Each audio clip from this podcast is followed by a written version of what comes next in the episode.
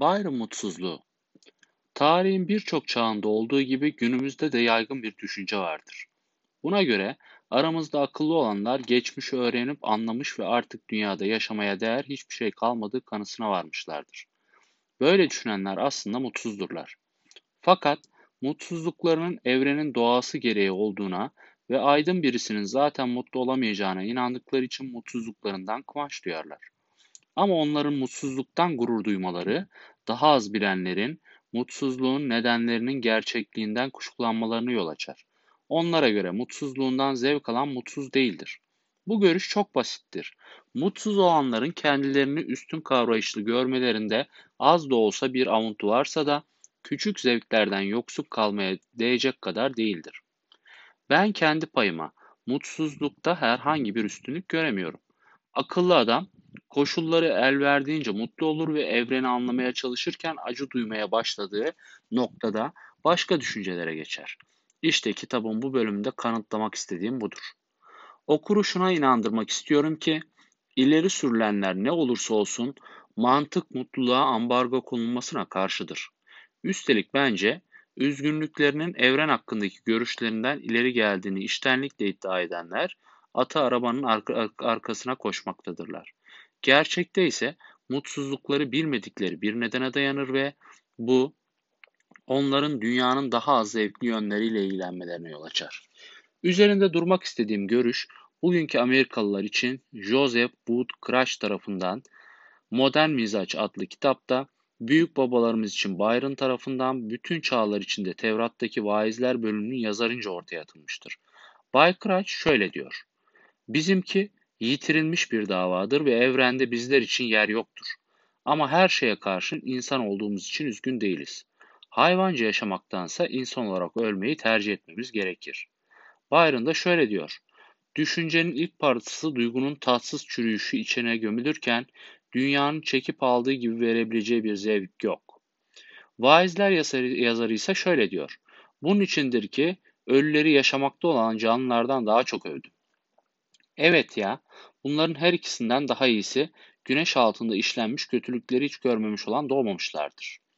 Bu üç karamsarda bu karanlık hükümlere e, hayatın zevklerini gözden geçirdikten sonra varmıştır. Crouch, New York'un en aydın çevresinde yaşamıştır. Byron Çanakkale Boğazı'nda yüzmüş ve sayısız aşk serüveni, serüveni yaşamıştır. Vaizlerin yazarı daha çeşitli zevkler peşinde koşmuştur. Şarabın her çeşidini tatmış, müziği denemiş, evine havuz yaptırmış, erkek hizmetçileri, kadın hizmetçileri, evinde doğma hizmetçileri olmuş. Ama işte bu koşullarda bile acı kendisini terk etmemiştir. Bununla birlikte o, her şeyin hatta aklın bile boşuna olduğunu anlamıştır. Ve akıllılık nedir, delilik ve çılgınlık nedir bilmek için yanıp tutuştum. Anladım ki bu bile ruh tedirginliği. Çünkü çok bilenin çok derdi olur ve bilgisini artıranın üzüntüsü de artar. Aklı onu tedirgin ettiğinden aklından kurtulmak için çok çaba harcar.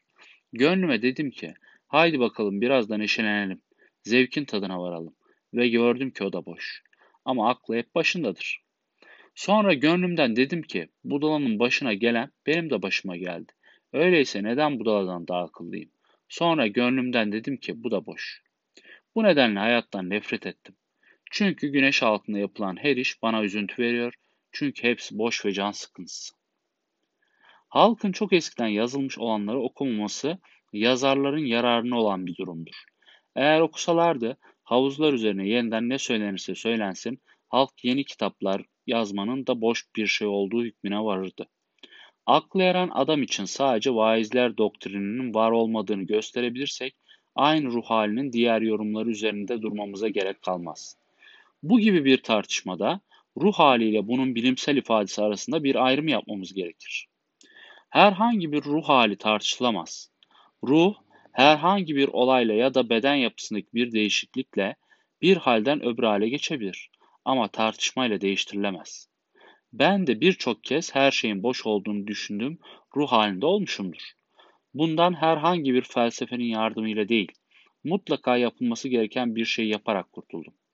Çocuğunuz hastalanırsa mutsuz olabilirsiniz. Ama her şeyin boş olduğu duygusuna kapılmazsınız.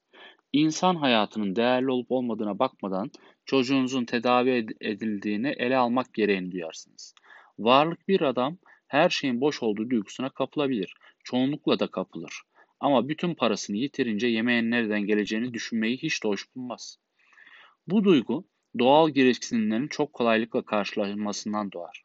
İnsanoğlu diğer yaratıklar gibi belirli derecede bir hayat mücadelesine kendisini uydurmuştur. Ve Homo sapiens zenginlik sayesinde çaba harcamadan tüm heveslerini yerine getirebildiği zaman yaşantımdaki bu çaba eksikliği, mutluluk için gerekli bir öğenin ortadan kalkmasıdır. Aşırı olmayan bir istek duyduğu şeylere kolayca kavuşan, kavuşabilen birisi, isteğin karşılanması mutluluk getirmez hükmüne varır. Eğer bu kişi filozof yaratılış, yaratılışlıysa, insan her istediğini elde ettiği halde mutlu olamadığına göre insan yaşamı aslında sefildir sonucuna varabilir. Ancak şunu unutmaktadır ki istediklerimizin bazılarını elde edememek mutluluğun ayrılmaz bir koşuldur. Ruh hali konusunda bu kadar. Yalnız vaizlerde aydınca savlar da var. Nehirler denize dökülür, deniz yine de dolu değildir. Güneş altında yeni bir şey yoktur. Geçmiş şeylerin anımsanması diye bir şey yoktur. Güneş altında giriştiğim çabaların hepsinden nefret ettim. Çünkü onları benden sonra gelecek olanlığa bırakacaktım. Eğer bu savları çağdaş bir düşünür gibi sıralayacak olursak şöyle bir durumla karşılaşırız. İnsanoğlu durmadan didinir ve madde her zaman hareket halindedir. Sonradan gelen, gidenden hiçbir bakımdan farklı olmadığı halde yerinde duran bir şey yoktur. Bir adam ölür ve mirasçısı onun çabalarının memelerini toplar, meyvelerini toplar. Nehirler denize dökülür. Ama sularının orada kalmasına izin verilmemiştir. İnsanlar ve eşyalar sonsuz ve amaçsız bir devir içinde doğarlar, ölürler, yıllar boyunca hiçbir ilerleme kaydedilmez, kalıcı bir şey başarılmış olmaz. Nehirler akıllı olsalardı yerlerinde kalırlardı. Süleyman akıllı olsaydı meyvelerinin tadını oğlunun çıkaracağı ağaçlar dikmezdi. Ama başka bir ruh hali için de bunlar ne kadar değişik görünür. Güneş altında yeni bir şey yok mu? Peki ya gökdelenler, uçaklar ve politikacıların radyo demeçleri nedir? Süleyman bunlar hakkında ne biliyordu? Seba Melikesi'nin vatanına döndükten sonra uyruklarına verdiği demeci Süleyman radyodan dinleyebilseydi, bu onu hepsi boş olan ağaçlarıyla havuzların arasında teselli etmez miydi? Haber bültenleri yayınlayan bir ajans olsaydı da kendisine sarayının göz kamaştırıcı yapısı, haremindeki konfor, rakip kralların yenilgileri hakkında gazetelerin yazdıklarını bildirseydi hala güneş altında yeni bir şey yoktur der miydi? Belki bunlar karamsarlığını kökünden kazıyamazdı ama herhalde duygularını daha başka bir biçimde ifade etmeye zorlardı. Gerçekten de Kıraç'ın yakaladığı, yalanladığı şeylerden biri çağımızda güneş altında çok fazla yenilikler olduğudur. Yeniliğin varlığı ve yokluğu eşit biçimde tedirgin edici ise İkisinin de umutsuzluğun gerçek nedeni olamayacağı anlaşılır. Bütün nehirler denize dökülür. Deniz yine de dolu değildir. Nehirler nereden gelmişlerse oraya dönerler sözünü yeniden ele alalım. Karamsarlık için bir dayanak kabul edersek, bu görüşe göre yolculuk hoş bir şey değildir. İnsanlar yazın kaplıcalara giderler ama nereden gelmişlerse yine oraya dönerler. Yalnız bu, yazın kaplıcalara gitmenin yararsız olduğunu kanıtlamaz.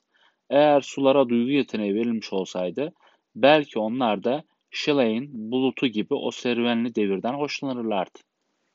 Her şeyi mirasçılarımıza bırakıp gitmenin anlığına gelince bu konuya iki açıdan bakılabilir. Mirasçı gözüyle bakarsak açıkça görürüz ki bu olay o kadar da büyük bir felaket değildir. Her şeyin gelip geçici oluşu da karamsarlık için temel oluşturmaz. Gidenlerin yerini daha kötüleri alıyorsa eder. Ama daha iyileri alıyorsa bu durum iyimserliğe yol açmalıdır. Peki Süleyman'ın inandığı gibi gidenin yerine tıpkı tıpkısına bir yenisi alıyorsa ne diyeceğiz? Bu durum bütün oluşun gereksizliğini göstermez mi? Devrin bazı durakları kendi başlarına ıstırap verici olmadıkça kesin olarak hayır. Bugünün bütün anlamını geleceğe bakıp ortaya koyduğuyla yorumlama alışkanlığı çok zararlıdır. Cüzler değersizse kül değerli olamaz.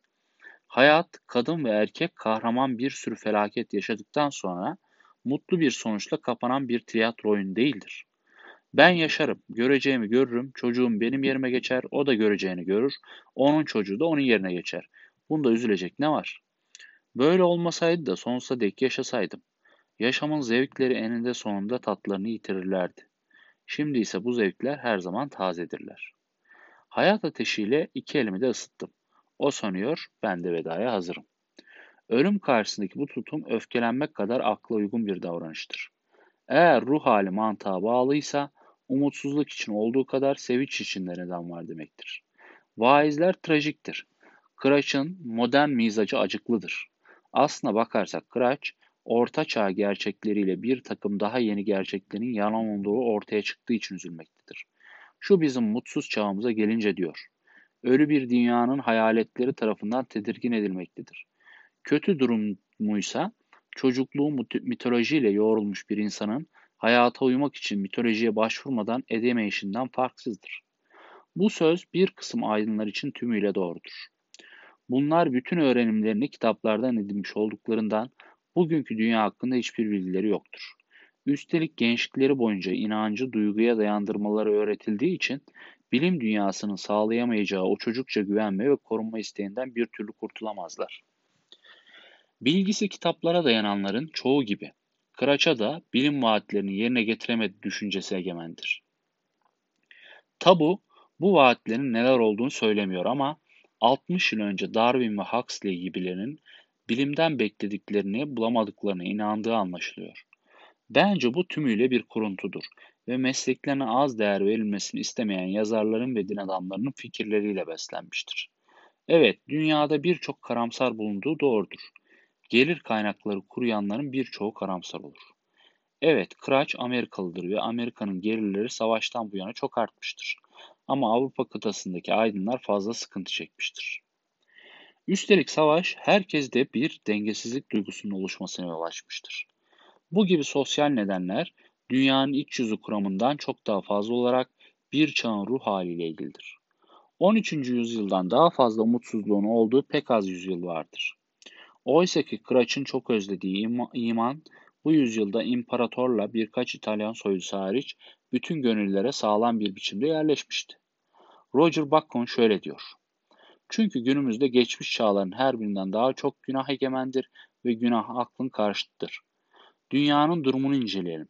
Göreceğiz ki her yerde büyük bir bozulma var. Başta saray çevreleri zevke ve eğlenceye dalmış. Hepsinde bir oburluk oluşmuş. Baş öyle yapıyor da daha küçükler ne durumda?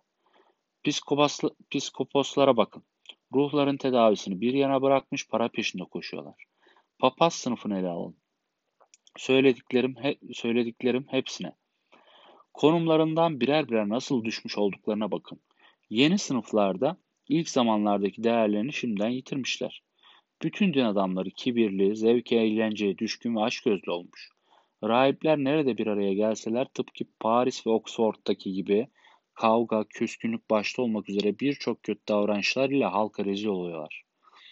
Nefsini doyurup hoşnut ettikleri sürece hiçbiri eğri ya da doğru ne yaptığını ve nasıl yaptığını aldırmıyor. Eski çağların Hristiyan olmayan bilgileri için de şöyle diyor.